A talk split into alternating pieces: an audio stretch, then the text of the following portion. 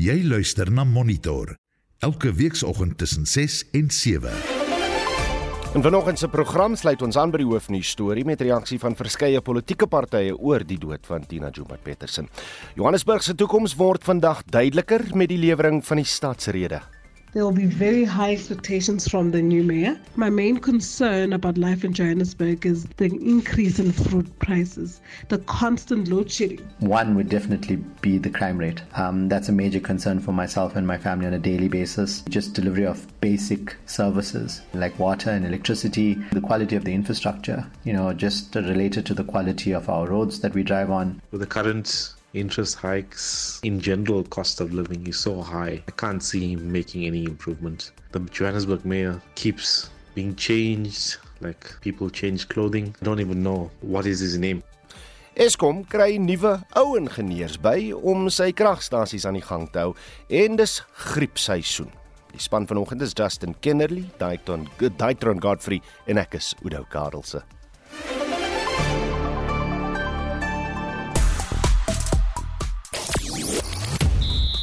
In jou sportnuus, ons gaan maak 'n draai by die Franse Ope in Parys. Die wêreldkampioenskap vir bergwedlope begin vandag in Oostenryk en 25 atlete vir Sondag se Comrades Marathon gediskwalifiseer. Natina Jumat is die veelbesproke hits vanoggend op Twitter waar almal iets te sê het oor die dood van die LP en voormalige minister Tina Jumat Petersen. Die bekende staatsamptenaar Selby Bokaba het 'n plasing op Twitter gemaak waar hy sê hy het die minister aangevat oor sy onreëlmatige skorsing uit die landboudepartement en uh, is vergoeding van 500 000 rand betaal in sy skikking. Hy sê verder hy het lank al die minister vergewe vir haar rol in die affære en dat hy sal uh, swyg soos die graf oor wat eintlik destyds gebeur het. Nou ons praat in die volgende halfuur met Marie Harris van Ipsos oor Suid-Afrikaners se traagheid. Dis nou ons om te gaan stem volgende jaar. Dit sluit nie uit of sluit nie net die, die jeug maar alle stemgeregtigdes in. Nou, tydens die plaaslike verkiesings in 2021 het slegs 45% van ons kiesers gestem. Sal jy in die 2024 nasionale verkiesing gaan stem of het jy reeds besluit om nie deel te neem nie? En waarom wil jy nie gaan stem nie as dit jou besluit is? En as jy wel nog jou kruisie gaan trek, vertel hoekom jy nog dink dit is die moeite werd. Praat gerus saam op Facebook. Jy luister na Monitor elke weekoggend tussen 6 en 7. Dis byna 10 minute oor 6. 'n Medelee van politieke partye stroom in nadat die 59-jarige Tina Jumat Petersen gisteraan by haar huis oorlede is. Petersen was ten tye van haar dood lid van die nasionale vergadering en voorsitter van die portefeulje komitee oor polisie. Die oorsaak van haar dood is nie bekend nie. Estie de Klerk het vir ons meer besonderhede. Jumat Petersen het 'n lang politieke loopbaan gehad en was onder meer die minister van energie in oud-president Jacob Zuma se kabinet, die ANR vir onderwys in die Noord-Kaap en ook die ANR vir landbou tot en met 2009. President Cyril Ramaphosa het deur middel van sy woordvoerder, Vincent Mangena, gesê Suid-Afrika het 'n toegewyde leier in Jumat Petersen verloor. President Ramaphosa offers his sincere condolences to the family of the former minister and especially her sons, Austin and Terence. The President extends his sympathy to the friends, comrades, and parliamentary colleagues of the late leader who was born in Kimberley and served as MSc for Education from 1994. Die parlement se woordvoerder, Moloto Motapo, sê Jumat Petersen se dood is 'n groot verlies vir die parlement, die ANC en die land. She will be remembered as an astute politician who used her skills, talent, and knowledge to advance the legislative work. She exuded great energy, passion, and goodwill, and was not afraid to speak her mind. Parliament extends its heartfelt condolences to her family, friends, the ANC, as well as South Africans on this loss. Die DA-leier John Steenhuisen beamoen Motapo se stelling dat Jumat Petersen se dood 'n verlies vir die parlement is. I think that she was performing a good role as the chairperson on the portfolio committee. We certainly didn't agree on everything over the years, but I always found her somebody who was always approachable and somebody who would be prepared to listen to a point of view other than their own. And I've always admired that about her. Uh, this is certainly a loss for Parliament and, uh, and I think for, for the country as well. Die woordvoerder van Cope, Dennis Bloem, sê sy sal altyd vir haar rol in die bevrydingsstryd onthou word en ook omdat sy haar vir die inwoners van Suid-Afrika se vryheid beywer het. We will always remember Comrade Tina for her contribution in the liberation struggle to free the people of South Africa. Her leadership as the chairperson of the Portfolio Committee on Police in Parliament will be missed. She was firm and a no-nonsense chairperson, but a democrat. Die leier van die Vryheidsfront Plus, Pieter Groenewald, sê sy het altyd in landsbelang opgetree. Groenewald sê sy was 'n toegewyde voorsitter van die polisiekomitee en het nie weggeskram om kritiek te lewer teen seniorlede in die polisiebestuur nie. Sy het geglo in deursigtigheid en sy het telke male gesê dat hulle moet ook die antwoorde skriftelik verskaf. Sy het ook nie geskroom dat as hulle nie voorberei was om te sê dat hulle moet teruggaan en hulle self behoorlik gaan voorberei nie. Die EFF se woordvoerder, Senawu Tambo, sê Jumat Petersen het altyd verantwoording gedoen.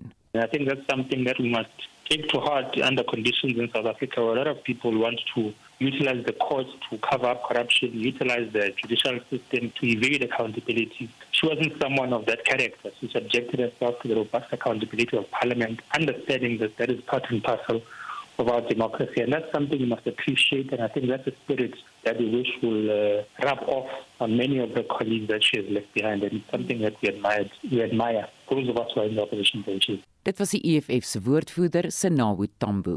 Ek is Estie de Klerk vir SAK nuus.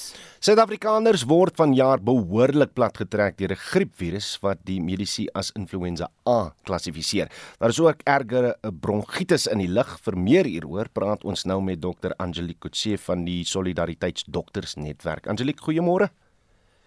Goeiemôre en 'n goeiemôre aan al jou luisteraars daar buite. Ervaar julle doktersnetwerk ook 'n toevloei van pasiënte? Ja, Ehm um, ons het dit al begin sien hierso aan die einde van April. Ehm um, die ouens begin inkom en ehm um, op hierdie stadium is dit hoofsaaklik 'n griep en verkoue beelde wat ons sien. Die verkoue is natuurlik die rhinovirus. Ehm um, moenie asseblief nie vergeet COVID is nog steeds in omloop nie alhoewel ek moet sê ons het hierdie laaste 2 weke nie eintlik ehm um, COVID ges gesien nie maar ehm um, die simptome van COVID verkoue griep ehm um, is baie dieselfde en dit dit maak dit nogal moeilik om hierdie onderskeid te maak en dan natuurlik die ouens se immuunstelsel is af Ehm um, en dan kry ons nou die sogenaamde bronkitisse. Ehm um, jy kan tot 2 maande na die tyd hoes. Ek wil dit net asseblief weer vir die lees, luisteraars daar buite sê. Jy kan tot 2 maande na die tyd hoes. Dis nie verkeerd nie, asseblief tog. Hmm. Ek het dit nou gesien met my met my 7-jarige dogtertjie. Was hy so 3 weke terug met die griep siek was en en sit nou nog met komplikasies en en aanduidings dat hy sy nog steeds net daai griep geskit het nie heeltemal reg. Onthou ook asseblief dat griep is 'n virus. So antibiotika help nie ehm um, vir griep nie. So as ons antibiotika gee, gee ons maar hoofsaaklik om te probeer voorkom dat daar 'n sekondêre bakterieële infeksies kom. Hmm. Maar die antwoord is nie antibiotika nie. Die antwoord lê in jy moet die diagnose maak. Jy moet daai pasiënt ten minste 'n week na 10 dae by die huis los onthou ook jy is baie aansteeklik voor die tyd van jou griep. Ehm um, wat mense nie besef nie is dat ehm um, die aansteeklikheid is uh, voordat jy simptome begin het. En hier's hier's nog 'n weet 'n interessante ding wat ek vir die luisteraars wil deel is dat 5 tot 7 dae nadat jy beter is, is jy nog steeds aansteeklik. So een ou steek die hele werk ehm um, 'n uh, 'n plek aan as hy terug gaan werk omdat hy ehm um, griep het en ehm um, nie by die huis wil bly nie en asseblief ek wil vir die luisteraars ook daar buite daarop um, attent maak dat ons het uh drie hoofsaaklik drie virusse uh van jou griepstrain soos ons praat dit is die um, tipe A wat H1 en 1 is en H3 en 2 is en verkeerdelik die woord swine flu daar buite gebruik hmm. word verkeerdelike term dit swine flu lyk like dit vir my as 'n pasiënt dink hy het swine flu dan is hy nou besig om dood te gaan swine flu is griep griep is griep of jy nou H1N1, H3N2 of griep B Victoria. Dis dieselfde ding. Dis griep vir die klinies. Daardie is meer op um, navorsing en akademiese goed as wat dit vir die gewone ou buite in die straat is. So griep is griep. Swine flu is nie erger as griep nie. Dis griep. Angelique net net vinnig. Uh, ek sien nou skole begin nou kennisgewings uitstuur as as daar enige aanduiding is dat jou kind siek is, hou hulle weg van die skole want heel klaskamers van kinders word sommer deesdae siek met hierdie griep uh, en ek neem aan dieselfde gaan geld vir mense by die werk. Presies. En as jy siek is, dra jou masker. Jy weet, ons het gesien die effektiwiteit van hierdie maskers ehm um, uh tydens Covid. En as jy siek is en jy hoes of 'n seer keel of 'n krap of 'n ding het, dra net jou masker en bly weg van plekke af waar daar klomp mense is. As jy nie jou masker wil dra nie, bly dan net weg. Weet moenie as jy dokter toe gaan of hospitaal toe gaan dit is as 'n gesinsuitstapie vat. Nie dis plekke waar daar siek mense sit. Jy weet nie wat jy kry nie. Onthou wat ek gesê het. 2 3 dae voordat jy begin met jou simptome is jy al aansteeklik vir ander mense. As hy Dr. Angelo Kutse, dankie vir die tyd vir jou tyd op monitor. Sy is van Solidariteit se doktersnetwerk. Die winter kom al nader. Die vrees dat Eskom fase 8 of hoër beerdkrag gaan instel, styg net so vinnig soos die temperature daal. Ons praat vanoggend oor die stand van sake met die energiekenner Corneel Skabort en 'n voormalige senior bestuurder van transmissie by Eskom, Hein Vosloo. Corneel, môre. Hein, môre Corneel, kom ek begin met jou. Sake lyk sake lyk bietjie beter na die naweek met beerdkrag wat tydelik opgeskort is en die fases wat verminder is Corneels. Is dit die stilte voor die storm? Um Udo, as ons kyk na Eskom se bedryfs uh moderandi wat hulle wat hulle volg, dan moet dit ons almal sien 'n groot rede hoekom ons laer vlakke van beerdkrag kry is nie noodwendig omdat daar nou wonder bewonder iets verbeter het by by Eskom nie. Dit is maar net die winter siklus, met ander woorde die beplande instandhouding um word afgeskaal. So ek bedoel jy kyk na die 5,3% vir Junie. So dis baie laer as al die vorige maande. So aan die een kant dit lyk goed, maar die die aksie waarna mens moet kyk is die onbeplande instandhouding en daai getal is steeds hier by die 33% wat redelik hoog is. So ek ek dink as mens kyk na steenkool, die stasies, die 21.500 megawatt wat gelewer word, Kuiberg is steeds op 900 megawatt. Die oopsiklusgasturbines word bietjie teruggesny op hierdie stadium van die geveg, maar mens moenie die idee kry dit ewe skielik situasie beter is by Eskom en dinge uitgesorteer is nie. Daar's doelbewus en dit gebeur elke winter. Daar word teruggesny op beplande instandhouding en gevolglik is daar dan meer eenhede beskikbaar en dit lyk dan asof daar meer elektrisiteit is wat die wat die waarheid is, maar dis net tydelik. In die in die lente dan dan tel daai beplande instandhouding op, maar dit beteken nie dis nie die stilte voor die storm nie. Dit beteken enigiets kan nog gebeur. Onthou in die woorde van ehm um, baie Eskom werknemers, dis steeds uh, daai terrein wat wat onvoorspelbaar is en en onstabiel. So enigiets kan gebeur, verseker en ek dink ons verwag dit kan nog gebeur dat ons hoër fases van beerkrag gaan sien in die winter. Haai, kom ons hoor 'n bietjie by jou. Wat presies gebeur tydens die winter wat die kragstasies harder laat werk? Is is dit net 'n verhoogde lading weens verwarmings en en so voort of of speel die koue temperature ook 'n rol wat die leweringsketting betref? Ja nee, eh, verseker is die koue eh, 'n baie belangrike faktor. Uh nasionale beheer het 'n klomp statistiek oor wat gebeur gedurende so 'n koue front wat hier oor die land trek.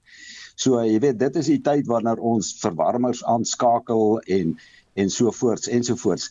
Dit is uh definitief 'n hoër lading. Uh, en ek weet dat uh die mense by die uh kragstasies soos uh, Cornel se net gesê het, uh het hulle uh onderhoud so afgeskakel met omtrent 2000 megawatt minder. Jy weet, dit is hmm. daarom nou twee twee weerkragfases.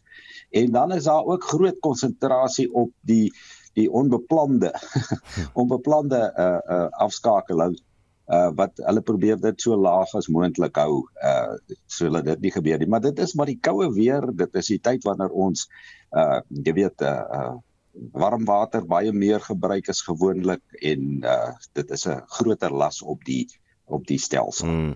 Ja, jy het teweeggebring dat voormalige Eskom werknemers en professionele mense uit die energie sektor by verskeie van ons kragstasies ontplooi was waar kragopwekkingskapasiteit laag was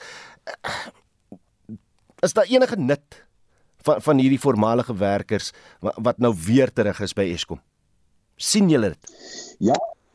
Oudo, uh, kom ons sê dit is nou maar in die laaste uh, paar dae of week wat wat daar nou weer 'n uh, konsentrasie is op die inbring van die van die uh, mense.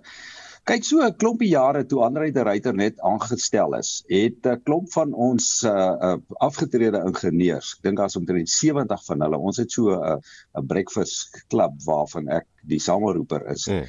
Het ons vir, vir mekaar gesê, hoor hier's 'n nuwe ou moet ons hom nie bietjie help nie. En weet jy, daai ouens het het vir uh, Andre uh, aangebied om hulle dienste gratis te verskaf. Nou wat beteken dit? Ons ek dink nie die ouens wou nou soontoe gaan en gaan werk nie. Dis 'n mm, bietjie mm. anderste is die is die voorstel van solidariteit waar daar mense is wat fisies al wil gaan werk.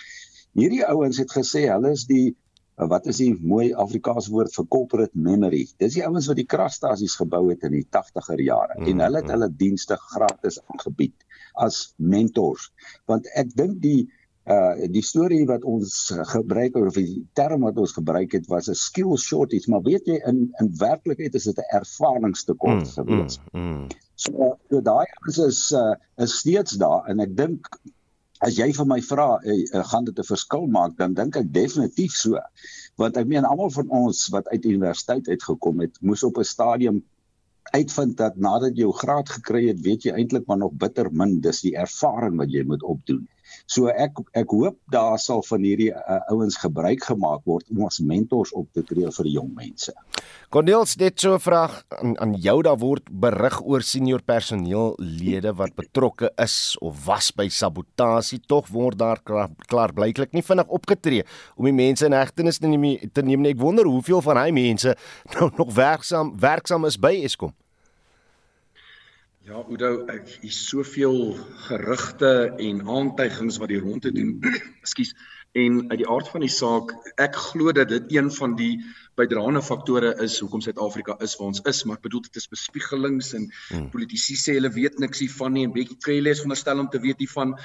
Hierdie moet definitief vasgevat word en ek dink as mens vat wat die impak van beerdkrag is op Suid-Afrika, kan ek sê ja vir honderde miljoene rande wat spandeer kan word om al hierdie korrupsie elemente uit die weg uit te ruim en Suid-Afrika sal steeds beter daarin toe wees as as met hierdie sabotasie. Maar ja, dit is maar bespiegelinge, dis dis hmm. dinge.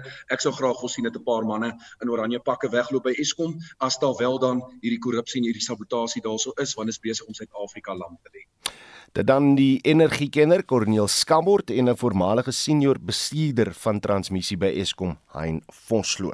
Nou die Johannesburgse burgemeester Kabelo Kwamanda lewer vandag sy stadsrede na hy verlede maand in die pos verkies is. Die ANC en EFF het vir eh, die Aljama raadslid gestem. Ons praat nou hieroor met die woordvoerder van die veelpartytjie koalisie in Gauteng, Dr. Corney Mulder. Corney, goeiemôre. Goeiemôre. Die staat die staatsrede is 'n belangrike een vir verskeie redes. Waarop wil julle hê moet Kwamanda fokus? Wel dit sal help as ons kan agterkom dat daar wel 'n burgemeester is. Ek dink dit is die eerste stap. Dit sal goed wees om hom te sien. Jy sal weet hy was die raadse tyd baie onduidelik en onsigbaar sedert hy verkies is. En ek dink dit is on, ons kan nie langer so aangaan nie. Johannesburg is die ekonomiese hart van van Suid-Afrika. En dit is duidelik dat daar nou baie dringende duidelike sterk boodskap moet kom. En ons wil baie mooi vergelyk met byvoorbeeld die stadsboodskap wat ons so 3 weke gelede gehad het van Pretoria af waar die oppositiepartye saam regeer wat 'n sterk ekonomiese boodskap was. Hmm. Ons verwag dat hy dieselfde sal doen om Johannesburg om te draai. Ek wil dan ook uh, vir die politieke kommentator van Akademie professor Pieter Dievenage verwelkom uh, aan die gesprek. Uh, Pieter, goeiemôre. Goeiemôre, Oudo. As ons nou kyk na na die feit dat die ANC en EFF eintlik verantwoordelik is vir die feit dat Gwamanda nou die burgemeester is. Ek, ek wonder net hoeveel van wat hy vandag te sê gaan hê sal sal hierdie twee partye se stempel dra. Ja, ek dink die stempel sal definitief die wees van die ANC en die EFF. Mens moet weet hulle die hulle die meerderheid ehm um, en dat uh Kabelo Kwamanda word voorgestoot. Hy is 'n tipe van 'n marionet in die hande van die ANC en die EFF en agter die skerms is daar ook iemand soos meneer Pianasu Lesufi, weet die uh, premier van ehm um, van Gauteng. En uh, uiteindelik is hierdie uh Kabelo Kwamanda net bloot iemand wat beheer word deur die ANC en die EFF en hulle is agter die skerms besig. Hulle die invloedryke portefeuilles, uh dis veral die uh ANC met die met die setel of die portefeulje van finansies. En dit beteken dat ehm um, jy weet uiteindelik sit jy met 'n met 'n baie swak bestuur in die sin van jy het 'n burgemeester wat op die voorgrond is, hmm. maar agter die skerms is die ANC en die EFF met dinge besig. Korne, is daar vir die stad Johannesburg 'n begroting in plek vir die 2023-24 boekjaar? Wel, die proses is aan die gang. Daardie begroting moet binnekort gefinaliseer word en dit is deel van die rede proses. Nadat hierdie uh, stadsrede van die burgemeester gelewer is, behoort hy sy doelwitte daarin uit te spel wat dan uitloop in die begroting wat dan kort daarna deurgevoer moet word tot voor die einde van die maand. So kom ons kyk wat kom daar uit en um, die bekommernis is is dat basiese goederes, dienslewering, die verskaffing van elektrisiteit, watter planne word gemaak om Johannesburg werklik om te draai? As mens kyk na die kragkrisis tans in Johannesburg, die infrastruktuur wat in mekaar sak, die die gebrek aan ekonomiese plan, dis alles goederes wat 'n geweldige probleem laat en ek is nie oortuig daarvan dat hierdie burgemeester wat eintlik maar net 'n token is, dit sal van hanteer nie. Sê my, is jy bekommerd oor uh wel, die stelling dat gegoede woonbuurte verwaarloos word? Ek is bekommerd dat alle woonbuurte verwaarloos word. Dit is dit is die die hele die hele stad kry nie aandag nie. As jy gaan kyk, dit Johannesburg is eintlik op, op uh, soos ons in Engels sal sê op autopilot. Dit lyk nie of daar 'n stadsraad is wat in beheer is nie. Dit is 'n direkte gevolg van die feit dat dit hier gaan oor politieke ideologiese dinge. Dit is 'n gespel wat gespeel word tussen die ANC en die EFF met die met die premier Panyaza Lesufi wat agter dit sit wat my betref. Mm, mm. Uh, as ons uh, Pieter, as ons kyk na die fokus area van Panyaza Lesufi, die premier, is is dit duidelik dat dat hy groot begin fokus op informele nedersettings. Waarop dink jy kan en moet Kwamanda vandag fokus met met wat tot sy beskikking is? Ja kyk, die, die kwessie van informele nedersettings bly 'n belangrike kwessie. Uh, dit moet aangespreek word, maar my gevoel is ook maar soos Corneille sê, jy weet dat die bestuur is so swak. Ehm um, hulle sal na enige iets gryp om vir die kiesers en vir Suid-Afrika te sê hulle is in beheer van Johannesburg, hulle doen goeie dinge, maar die werklike uh, dinge op die grond is van so 'n aard dat ehm um, hierdie uh, stadsregering en ook die een wat uh, nou vandag uh moet 'n rede lewer en wat alles daarmee saamhang skep nie selfvertroue nie, skep nie vertroue vir die publiek nie. Ehm um, en die dinge is is is gestel, jy weet die die die dienslewering, die elektrisiteit, skoon water, behuising, veiligheid, paaie, finansies. Die lys is ellelang. Ehm um, en alles dui daarop dat Johannesburg terugsak binne die groter geheel van Suid-Afrika wat baie hartseer is omdat dit is ons ekonomiese hartland. Corneille seker by 'n siniese vraag, maar hoe lank gaan Kabelo Kwamanda nog die burgemeester van die stad Johannesburg wees? Ek dink hy kan 'n mosie van wantroue verwag na vandag en as dit als goed loop dan behoort die mosie aangehoor te word voor die einde van die maand. En as ons ons dinge reg kan kry, kan hy dalk voor die einde van die maand uit sy pos uit wees. Hier gaan ons alweer. Professor Pieter Dievenage, hy's 'n politieke kommentator van Akademie. Dankie vir jou tyd op Monitor en so ook daar gepraat met die woordvoerder van die veelpartytjie koalisie in Gauteng, Dr. Corneille Mulder. Nou daar is aanduidings dat Suid-Afrikaners al traer word om te gaan stem, so sê die direkteur by Ipsos, Marie Harris. Vir meer inligting hieroor praat ons nou met haar. Marie, goeiemôre. Goeiemôre Ouda. Wat presies sê julle meningspeilings? Weet jy, daar's eintlik twee dinge. Aan die een kant is mense baie traag om te registreer en aan die ander kant is hulle baie traag om te gaan stem. So ek dink ons moet altyd daarvan kyk. Daar is net 69% van stemgeregtigdes in Suid-Afrika wat geregistreer is. En die groep wat die minste geregistreer is, is die 18 tot 24. So uh, jong mense van hulle is minder as die helfte, net 49% geregistreer. Ouer mense is nie, nog nie briljant nie, hmm. maar daar is meer geregistreer. Soos die groep wat net ouer is, hulle is 25 tot 34 is 69% geregistreer. En ons sien mense wat ouer as 50 is, 82% van hulle is geregistreer. So dis die een ding hmm. dat mense traag is om te registreer en dan aan die ander kant as jy mens nou kyk na mense wat gaan stem wat sê hulle gaan stem moet ons in ag neem dat ons omtrent 41 miljoen stemgeregtigdes van hulle is net tussen 27 en 28 miljoen geregistreer. So daar's reeds 13 14 miljoen wat wat nie geregistreer is nie. Van hulle het in die ehm um, 2021 plaaslike verkiesing het net 12 miljoen gestem. in 2019 so tussen 16 en 17 miljoen. So minder as die helfte van hmm. mense wat wel stemgeregtig is. Wat wat sê julle meningspeilings oor die redes? Hoe hoekom is Suid-Afrikaners Suid-Afrikaners traag om te gaan stem? Is eintlik 'n uh, hele paar redes. Die een is politieke partye en politici.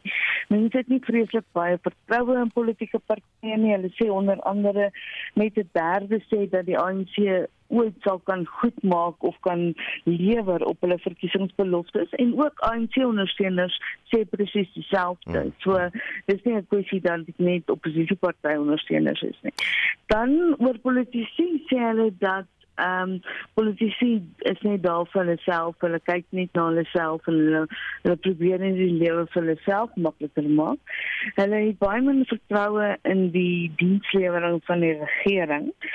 En dan natuurlik Eskom as gevolg van die gereelde kragonderbrekers sê amper helfte van Suid-Afrikaners dat hulle moontlik nie sou gaan stem nie. Hmm. Juis oor al die kragonderbrekings van Eskom. Mense gedink dat dit dat dit andersom sou wees, maar uh, strook die patroon met met wat internasionaal gebeur.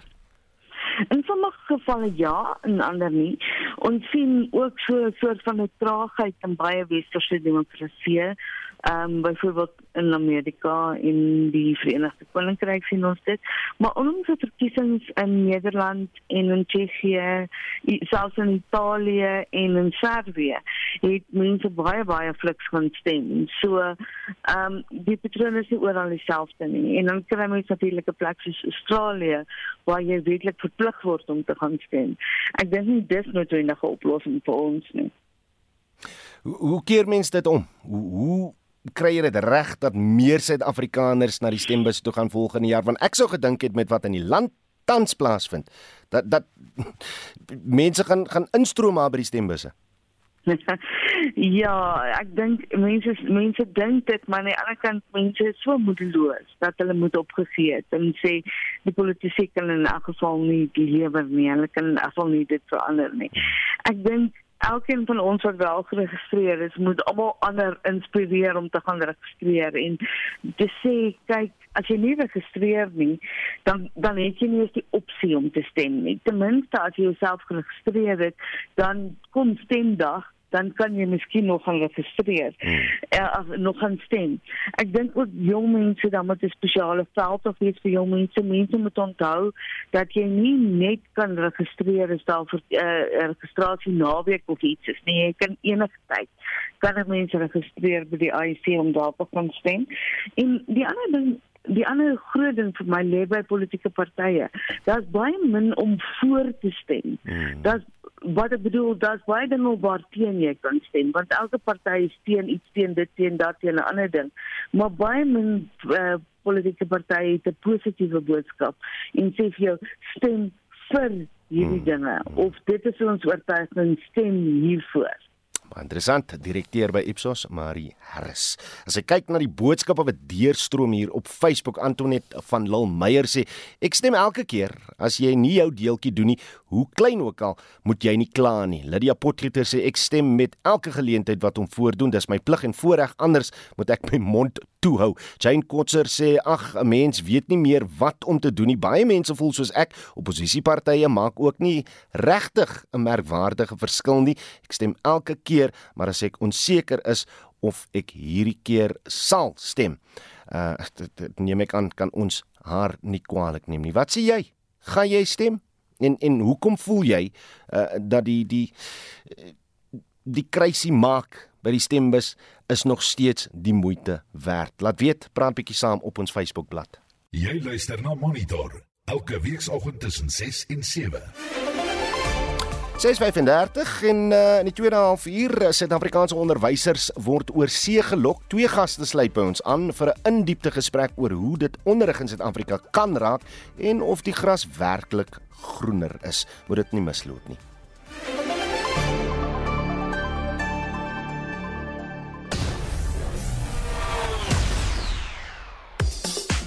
Reg, is nou tyd vir die jongste sportnuus. Jody, goeiemôre. Goeiemôre Oudo. Verskeie kwart eindrondes uh by die Franse Ope wat vandag voorlê. Ja, die derde gekeerde Novak Djokovic teen die 11de gekeerde Karen Khachanov. Eh, Djokovic steeds op koers vir sy 23ste Grand Slam titel. Die wêreldnommer 1 manspeler Carlos Alcaraz speel teen Stefano Tsitsipas van Griekeland en in die vrouafdeling Elena Svitolina en Aryna Sabalenka wat opponente gaan wees. En uh, gee ons net 'n basiese opsomming van wat alles gister gebeur het.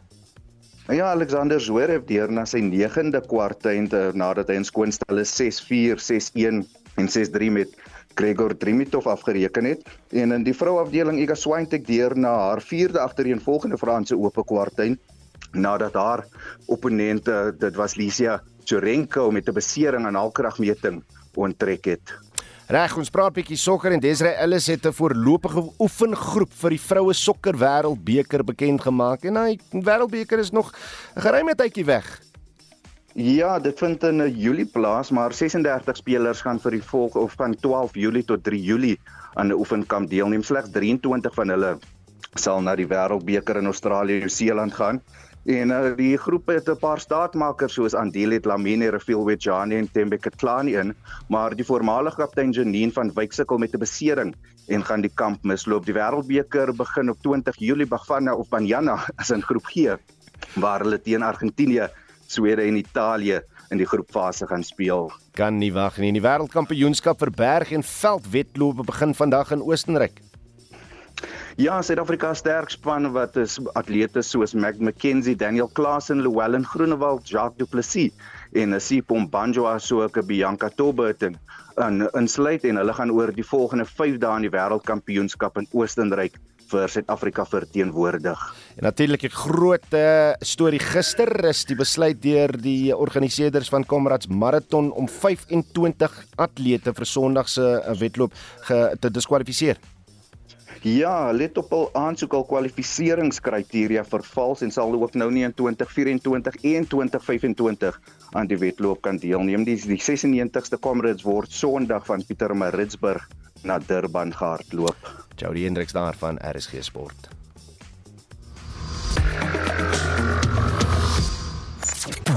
Jy luister na Monitor elke weekoggend tussen 6 en 7.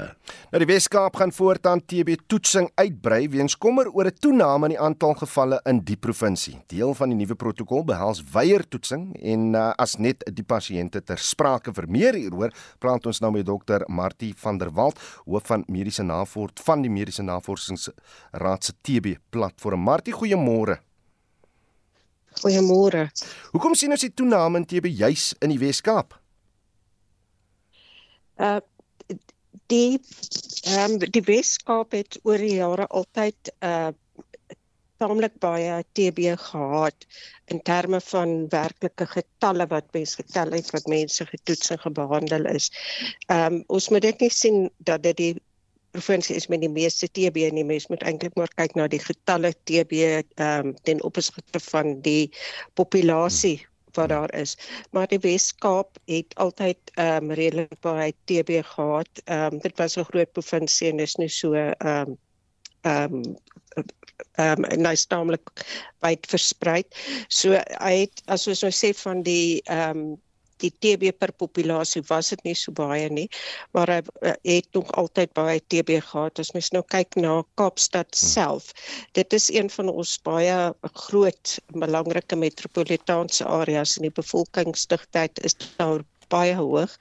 En ehm um, die ehm um, die Kaapstad Metro is een van die areas waar daar baie TB is en dit is gewoonlik as gevolg van populasiedigtheid wat so metro mm. weerspieël ook gewoonlik die omstandighede wat in die res van die provinsie aangaan. So is daar baie uh, werkloosheid is dan in ons omstandighede sal mens baie TB kry. Martie help my 'n bietjie uit hier. Ek verstaan mense kan negatief toets vir TB al het jy dit onderlede en ek het ook gelees dat sommige pasiënte asymptomaties is. Dit dit dis albei sekerlik 'n gevaar vir die verspreiding van die toestand. Ja, dit is 'n baie ehm um, baie ernstige aspek van TB wat oor die laaste paar jare na vore gekom het. Nou daar is ehm um, oor die algemeen is daar drie toetse wat mense in die lande vir TB gebruik. Die een wat ons noem 'n mikroskopie gebruik ons glad nie meer in ons land om TB te identifiseer nie. Die toets is glad nie 'n goeie sensitiewe toets nie. Dan is daar twee ander. Die een is as mens 'n spietemonster van 'n persoon vat en mens kweek dit in die laboratorium. Hmm. Dit is wat ons noem die goue standaard van TB identifikasie. As daar ehm um, genoegsame organismes in 'n persoon se spectrum teenwoordig is, sal dit groei um, in so 'n kultuur en ons kan sê ja op daai gegee oomblik het die persoon lewendige bakterieë in sy sputum gehad. Hmm. Dit is egter 'n lang toets en dit naamlik duur. Nou die toets wat oor die algemeen gebruik word in Suid-Afrika en meeste meeste meeste ander lande is 'n baie vinnige molekulêre toets. Die woord wat ons daarvoor gebruik is uh, is 'n uh, ehm um, gene expert toets is nou sommer net die afkorting van die hmm. toets en dit is 'n molekulêre toets en hy vat 2 dae. Nou ehm um, die as mens mense baie baie deeglik wil toets dan gaan mens na die kultuur tipe van 'n toets toe. Mm. En ons het daarmee gevind dat as ons ehm um, nie as ons mense vat en hulle het nie eers simptome van TB nie. Dan word asymptomaties en ons neem spietemonsters van hulle van 'n groot deel van hulle dan sal ons sien maar daar is lewendige bakterieë in hulle sputum so met ander woorde hulle het asymptomatiese TB gehad. So maar die, is is dit wat die die die meer intensiewe toetsing wat nou gedoen gaan word gaan behels. Wel nee die die soos wat ek dit verstaan het gaan die metro nie ehm um, kultuurmonsters op almal doen nie. Maar wat die metro gaan wel gaan doen is as mens nou verder wil toets vir TB onder 'n gemeenskap. Het ons in die verlede altyd rondgegaan en gevra ehm um, wat is die wat is jou simptome, tekens en simptome wat jy het, net soos wat jy 'n dokter toe gaan, vra vir jou wat is verkeerd met jou. En dan as ons nou as 'n persoon dan sê die vertel die persoon nou dit en dit is hmm. verkeerd met hom en as daardie vrae of tekens en simptome nie tipies tipies van TB was en sou ons hulle nie verder getoets het nie. Maar nou gaan die Weskaap na ehm um, me, me, mense in die huishouding uh, van 'n persoon wat TB het. En hulle gaan hulle net vra vir simptome nie. Hulle gaan sê van al 6 7 mense in die huishouding gaan hulle monsters vat en dit toets. So dit is 'n baie baie groot stap. Dit sal ons asymptomatiese mense heel moontlik optel. Maar dit gooi daai ring van kritiese mense wat eintlik dalk TB het, maak dit daai kringetjie baie groter. Martie van der Walt, dokter Martie van der Walt, dankie vir jou tyd op monitor. Sy hoof van Mediese Navorsingsraad se TB platform. Nou Brittanje is besig met 'n veldtog om Suid-Afrikaanse onderwysers daarheen te lok. Ons praat vanoggend hier oor met die uitvoerende hoof van die Federasie van Skoolbeheer Liggame, Jaco Deeken. Uh ons gaan ook met Basil Manuel, die uitvoerende direkteur van die Onderwysvakbond Naptosa praat. Maar ons begin eers met Jaco. Jaco, goeiemôre. Môre. Uh, die die Britte is selfs bereid om sowat 'n kwart miljoen rand as ek reg gelees het te betaal vir die hervestigingskoste van ons onderwysers. Hulle soek spesifiek taal en fisika onderwysers. Hoekom sou hulle dink ons onderwysers is so gesog? Nou dalk moet ons begin deur te sê dis al nie net ons onderwysers wat nou spesifiek geteken word nie. Ek dink in die gemeene besies die advertensie weier uitgegooi. Dink 'n paar lande is desperaat op soek na onderwysers, bevolkingsgroei en minder studente wat onderwys begin studeer het. So hier is nie 'n spesifieke teken net vir Suid-Afrikaanse onderwysers nie, maar ook vir Suid-Afrikaanse onderwysers. Mm -hmm. Ek dink dit sê dan so ietsie van die van die van die werksetieke, van die kwaliteit mense wat ons ook lewer. En terloops daar's ongelooflik baie Suid-Afrikaanse onderwysers wat reeds in die hmm. buiteland hulle brood en botter verdien. Dink almal vir ons ken al keer of ander jong student wat Eagles gee daar in die ooste of in Dubai of in selfs 'n uh, uh, tans in in die, in die Verenigde Koninkryk klasonderwysers is. So ons ons mense werk reeds wêreldwyd. Lieflik Basil Manuel, goeiemôre. Goeiemôre Justin. Voor ek jou 'n vraag vra, kom ons hoor gou eers by die woordvoerder van die departement van onderwys Elijah Mhlanga, want hy het uh, plaaslike onderwysers aangemoedig om om oorsee te gaan werk. Kom ons luister gou. We welcome this uh, development because it uh, allows those qualified educators to get their first opportunity to teach But it is also a confirmation that the South African education system is able to produce educators who can work anywhere in the world. The fact that our teachers are being targeted, it's a good thing. It means that we've got quality. We suggest that you take it rather than sit at home with your teaching qualification and not have an opportunity to work. We know that eventually it will benefit the country because when you come back from your international experience, you will be able to enhance teaching practices in South Africa. So we welcome this development. It's not a disadvantage. The country is producing over 30,000 teachers every year, and we are not able to absorb all of them. So this development is one that is really encouraging. Nou, wat interessant is daar Basil, uh, is jy sê hierdie surplus waarvan Elijah praat is eintlik 'n mite. Dit is 'n mite, uh Justin, as jy daaraan dink dat ons oorvol klasse het eerstens. Hmm. Uh beteken dit onmiddellik dat ons nie te veel uh onderwysers uh deur die deur die stelsel laat gaan nie. Tweedens, natuurlik is daar 'n tekort aan sekere eh, onderwysers wat in sekere vakke gespesialiseer het. En dit is presies dieselfde vakke wat waarvoor daar aanvraag is in die buiteland. Ons praat nou van wiskunde, natuur en skeikunde, ons praat van die tale. Hmm. Maar ja, waar ek saamstem met met Elijah, kan ons nie verwag dat mense by die huis moet sit en hmm. nie werk het nie. Hulle sal nie omdat hulle weer sal terugkeer want baie keer kom mense nooit terug en dis 'n mite om om om te dink dat mense met met daardie ervaring sal terugkeer ons hoop hulle sal hmm. en ons hoop hulle sal kom en en en hier help maar die die die feit van die saak is as jy daar in die buiteland is en jy sien dat baie van die probleme wat ons so kwel beerdkrag en so voort mm. nie altyd daar is nie dan is dit 'n beter lewe en dan bly mense daar maar ek sê ons kan nie mense terughou nie al al moet ons wat doen gaan mense besluit van mense is veel meer ingerig om um, om uit te gaan veral ons ons jong mense in die wêreld het veel kleiner geword ook mm, mm. Jaco, die die Britte selfs bereid om onderwysers in te neem wat net 1 jaar ervaring het. Boonop sal die onderwysers dieselfde status hê as Europese onderwysers. Hoekom het hulle 'n tekort eers, eerstens en tweedens wat, wat is ons onderwysers se reaksie hierop? Ja, kyk, dis 'n dis 'n groot wortel wat wat op hierdie stadium voor die meeste hang van die van die jong mense om te gaan. Dis dis baie geld. Veral as jy kyk na die wisselkoers ook, dink dit lyk baie aanloklik dink Brittanje as ons net na Brittanje kyk, nou hulle het 'n groot invloed van migrante werkers en hulle het eenvoudig te min onderwysers wat hulle in Brittanje oplei. Daar's minder studente wat onderwys gaan studeer. So hulle moet op hierdie stadium mense invoer om daarmee te help. So een van die planne is kom ons gaan soek in die buiteland dan vir ekstra mense. Die bekommernis wat ek het is daar's 'n paar in Suid-Afrika waar ons gaan swaar kry is veral in ons beheerliggaamposte waar daar waar die staat nie voldoende personeel voorsien nie en ouers self salarisse betaal daai salarisse kom nie uit by die staat se salaris nie. So dis die eerste groep mense wat ons gaan verloor is die in beheerliggaam poste.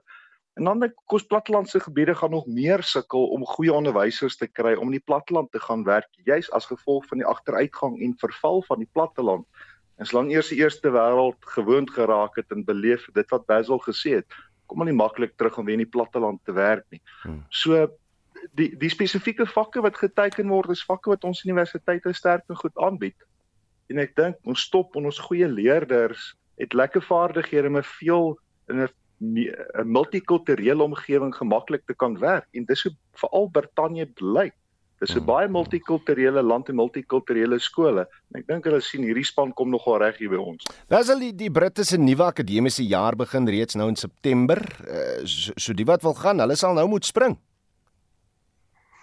En dit sal gebeur. On, ons ons mense wat gewoonlik uh uh, oorsee gaan, gaan hier uh, aan die einde van van Augustus begin bedank of of uh, uh, ten minste aan aan die einde van die tweede kwartaal bedank. En ons moet onthou dat Amerika presies dieselfde ding deurgaan. Verlede jaar is ek op 'n 'n vergadering daarvan van die AFT, American Federation of Teachers, en daar sê hulle ook, hulle moet kyk na lande waar hulle mense kan kry omdat dit vir hulle 4 jaar neem om om iemand op te lei en hier is 'n opgeleide persoon. En ons moet ook onthou dat as ons mense 'n buiteland toe stuur of of mense vertrek na die buiteland, verloor ons elke dag geld. Ons moet nou kyk hoe ons ons stelsel sal verbeter. En verbeteringe is oor baie dinge, die die die toestand van skole, die die toestand van baie dinge in die land en ook salarisse, soos Jaco al klaar sê. Die beheerliggaamposte, uh daar daardie mense, uh soos dit maar gaan, kry 'n bietjie minder geld en hulle sal nou beter en en groener weivelde soek. Maar uh dit gaan opdraand gaan uh, binne 'n paar jaar en dit al klaar. Uh mense uh, by die universiteite het ons al klaar gesê dat binne die volgende 10 jaar sal ons 'n vreeslike tekort hê en ons moet nou begin daarvoor beplan. Jaco, as ek nou luister na wat julle te sê gehad het, na wat Elijah Mhlanga sê, dit dit dit blyk Basil is gepla hieroor, maar die regering en en dit klink ook ook, ook asof uh, die die Federasie van Skoolbeheerliggame ook nie te veel geplaas hieroor nie. Ek dink ons moet gaan kyk na die uh, in die Afrikaanse onderwys het ons bietjie beter data oor hoe lyk die ouderdomsverspreiding van wie wanneer gaan aftree. Hmm. So in die Afrikaanse gemeenskap is die die gemiddelde ouderdom definitief laer. Net op 'n nasionale vlak lyk dit bietjie anders. Ehm um, en en daarom wil ou nie die, die ons moet bloei nie. Ek hmm. dink dis die eerste en ons ons ondersteun nie dat ons onderwysers net verloor en ons het 'n krisis in die stelsel nie. Ehm uh, maar ek stem saam dat as daar geleentheid is, gebruik jy geleentheid en as jy geroep voel om terug te kom, kom werk ook hier. Ou wil nie iemand wat goed opgelei is en voorbetaal is om te sien by die huis gaan sit nie. Ek meen dit moenie gebeur nie. Gaan slyp jou vaardighede en kom terug. Maar ek dink die regering gaan 'n ernstige poging moet aanwend om om hierdie langtermynplan op die tafel te kry en dit dan met almal te deel. Hmm. Dit is hartseer om te sê, weet uit die 9 provinsies is daar net een provinsie in die land wat posvlak 1 post op 'n gereelde basis adverteer is net die Wes-Kaap. Soos iemand nou afstudeer het, hoe hoe weet ek waar is daar 'n vakature waar ek gaan aansoek doen vir 'n pos? Dis 'n basiese ding. Ehm um, daar word gesloer met aanstellingsprosesse. Ehm um, dit dit is alles goed wat dit moeilik maak vir ons jong mense om om as eerste toetreders te begin werk. En die staat gaan baie meer moet doen om vir onderwysers te sê ons het geïnvesteer in jou opleiding. Jy's vir ons belangrik genoeg, ons wil jou graag hou. Hier is geleenthede en die staat stuur nie daardie boodskap nie. Basil het julle al by die regering of of aan die regering se deur gaan klop en gesê luister as as hierdie neiging voortduur wat gaan die impak wees vir hierdie jaar? Hoeveel onderwysers gaan ons verloor en wat is julle plan om om om dit te dek? Het julle al gaan uitvind? Uh nie oor hierdie spesifieke geval nie maar ons praat gereeld oor oor uh onderwysers op onderwysopleiding. Ons praat gereeld oor uh die die die, die feit dat poste nie geadverteer word nie en so voort. So so daardie uh, soorte dinge word gereeld oor gepraat. Maar ek dink ons moet beter besin oor hoe die toekoms moet lyk. Anders beplan ons vir niks hmm. en dan as dit nou hier op, op ons stoep beland, dan begin ons kop te krap en dan is dit te laat. Ek sê ook Ons kan nie mense terughou nie. Ons kan nie verwag dat 'n persoon by die huis moet sit. Maar ons moet ook daarin dink dat ons nie ons bestes kan verloor en net ons arms vou en sê dis 'n goeie ding. Jaco sê een van hy bestes is as dit nou kom by by onderwysers. Wat sou jy aan hy onderwysers sê om liewer hier in Suid-Afrika in te ploeg en en 'n verandering en verbetering hier aan te bring? Jy moet gaan leef daar waar jou passie en waar jou roeping is. Suid-Afrika steeds so lank met wonderlike geleenthede en wonderlike mense en as jy as jy 'n geleentheid kry om jou vaardighede in die buiteland te gaan slyp en jy kan dit terugbring hiernatoe, dan gaan jy 'n ander tipe onderwyser terugkom met blootstelling wat jy daar gekry het. Maar Suid-Afrika het elke goeie mens nodig. Dit gaan op vele opsigte baie baie sleg in ons land en ek glo vas onderwys is plan A, B, C en D. Die staat het nie 'n langtermynvisie op hierdie stadium vir onderwys nie. Ons as burgers gaan moet verantwoordelikheid vat. Nou Suid-Afrika uh, oor die te groot roeping vir onderwys. As ons praat oor onderwys, raak mense baie passievol. Hmm. En daar's 'n gewellige klomp jong mense wat eintlik gaan onderwys studeer wat wat sien ons kan 'n verskil maak. En ons moet dit koester. Weet en as ons as gemeenskappe moet ook vir die onderwysers wat tans by ons skole is, ook waardering uitspreek om te sê, dankie dat jy hier is. Dankie dat jy in lief is my kind en 'n verskil my kind se lewe maak. En by skole met ons dit vir onderwysers makliker maak, nie moeiliker nie. Uh, en as jy wil buiteland toe gaan en die geleentheid aangryp, gaan kyk en gaan leer, maar kom terug en kom maak by ons 'n verskil. Die uitvoerende hoof van die Federasie van Skoolbeheerliggame, Jaco Deeken, as ook uh, Basil Manuel, uitvoerende direkteur van die Onderwysers Vakbond Naptosa. Daar is geen verkeer. In Kaapstad op die N2 inwaarts staan 'n voertuig na Meeuweg die linkerbaan word versper en op die R300 suid staan 'n voertuig na Ou Parelweg die linkerbaan word daar versper. In Johannesburg op die N3 Noord staan 'n voertuig na Londenweg die linkerbaan word daar versper en in Germiston op die N3 Noord beweeg verkeer teen 'n slakkepas tussen die N17 en die M2 Geldnys wisselaar. In Eldorado Park op die N 12 Oos was 'n botsing na die Goue Hoofweg afrit. Daar's vertragings vanaf Klipspruit Vallei-weg en in Centurion op die N1 Noord tussen Botalaan en die R21 afrit word twee bane versper weens opruimingswerk weens daardie vragmotor wat vroeër vanoggend aan die brand was daar. En dis jou vroegoggend verkeersnuus op Monitor. Bestuur veilig waar jy ook al ry vandag. Ons het vanoggend by Ipsos op die program gehoor uh hoekom Suid-Afrikaners so traag is om te gaan stem in die plaaslike verkiesing in 2021 het slegs 45 uh, 45% van stemgeregtigdes eintlik by die stembusse uitgekom. Nou wil ons vanoggend weet waarom wil jy nie gaan stem nie as dit jou besluit is en as jy wel nog jou kruisie gaan trek, vertel hoekom jy nog uh, dink dit is die moeite werd. Stefan van Heerden sê op Facebook die luisteraars en die res van die publiek sit die pot mis. Dit is elke landsburger se plig om te stem, maar daar is nie meer 'n trots oor in hierdie land nie. Dit het die liberale wêreld van ons ontneem en die ANC het dit vertrap. Dis sy mening David uh, Davin Hall sê ek hoop ons mense gebruik volgende jaar al verstand as hulle nog al die tyd op emosies gestem het. Is volgende jaar die tyd dat hulle met al sober normale verstand moet gaan stem. Weg is die dae van ons uh, het uh, gestruggle vir hierdie vryheid so ek moet uh, vir die regerende party stem. Weg is die gedagte dat hulle die bevrydingspartye stem vir 'n party wat jy weet ons uit hierdie gemors gaan haal. Deel jou mening op ons Facebookblad. Daar kan ons lekker hoor van jou op Spectrum vanmiddag. Onthou vorige uitsendings van Monitor is op RSG se webblad as 'n potgooi beskikbaar. Gaan net na www.rsg.co.za. Ons groet dan namens ons uitvoerende regisseur Nicoline de Weer, die redakteur vanoggend is Justin Kennerly en ons produksieregisseur is Daitron Godfrey. Ek is Oudo Karelse. Geniet die res van die dag in die geselskap van RSG. Op en wakker is volgende. Totsiens.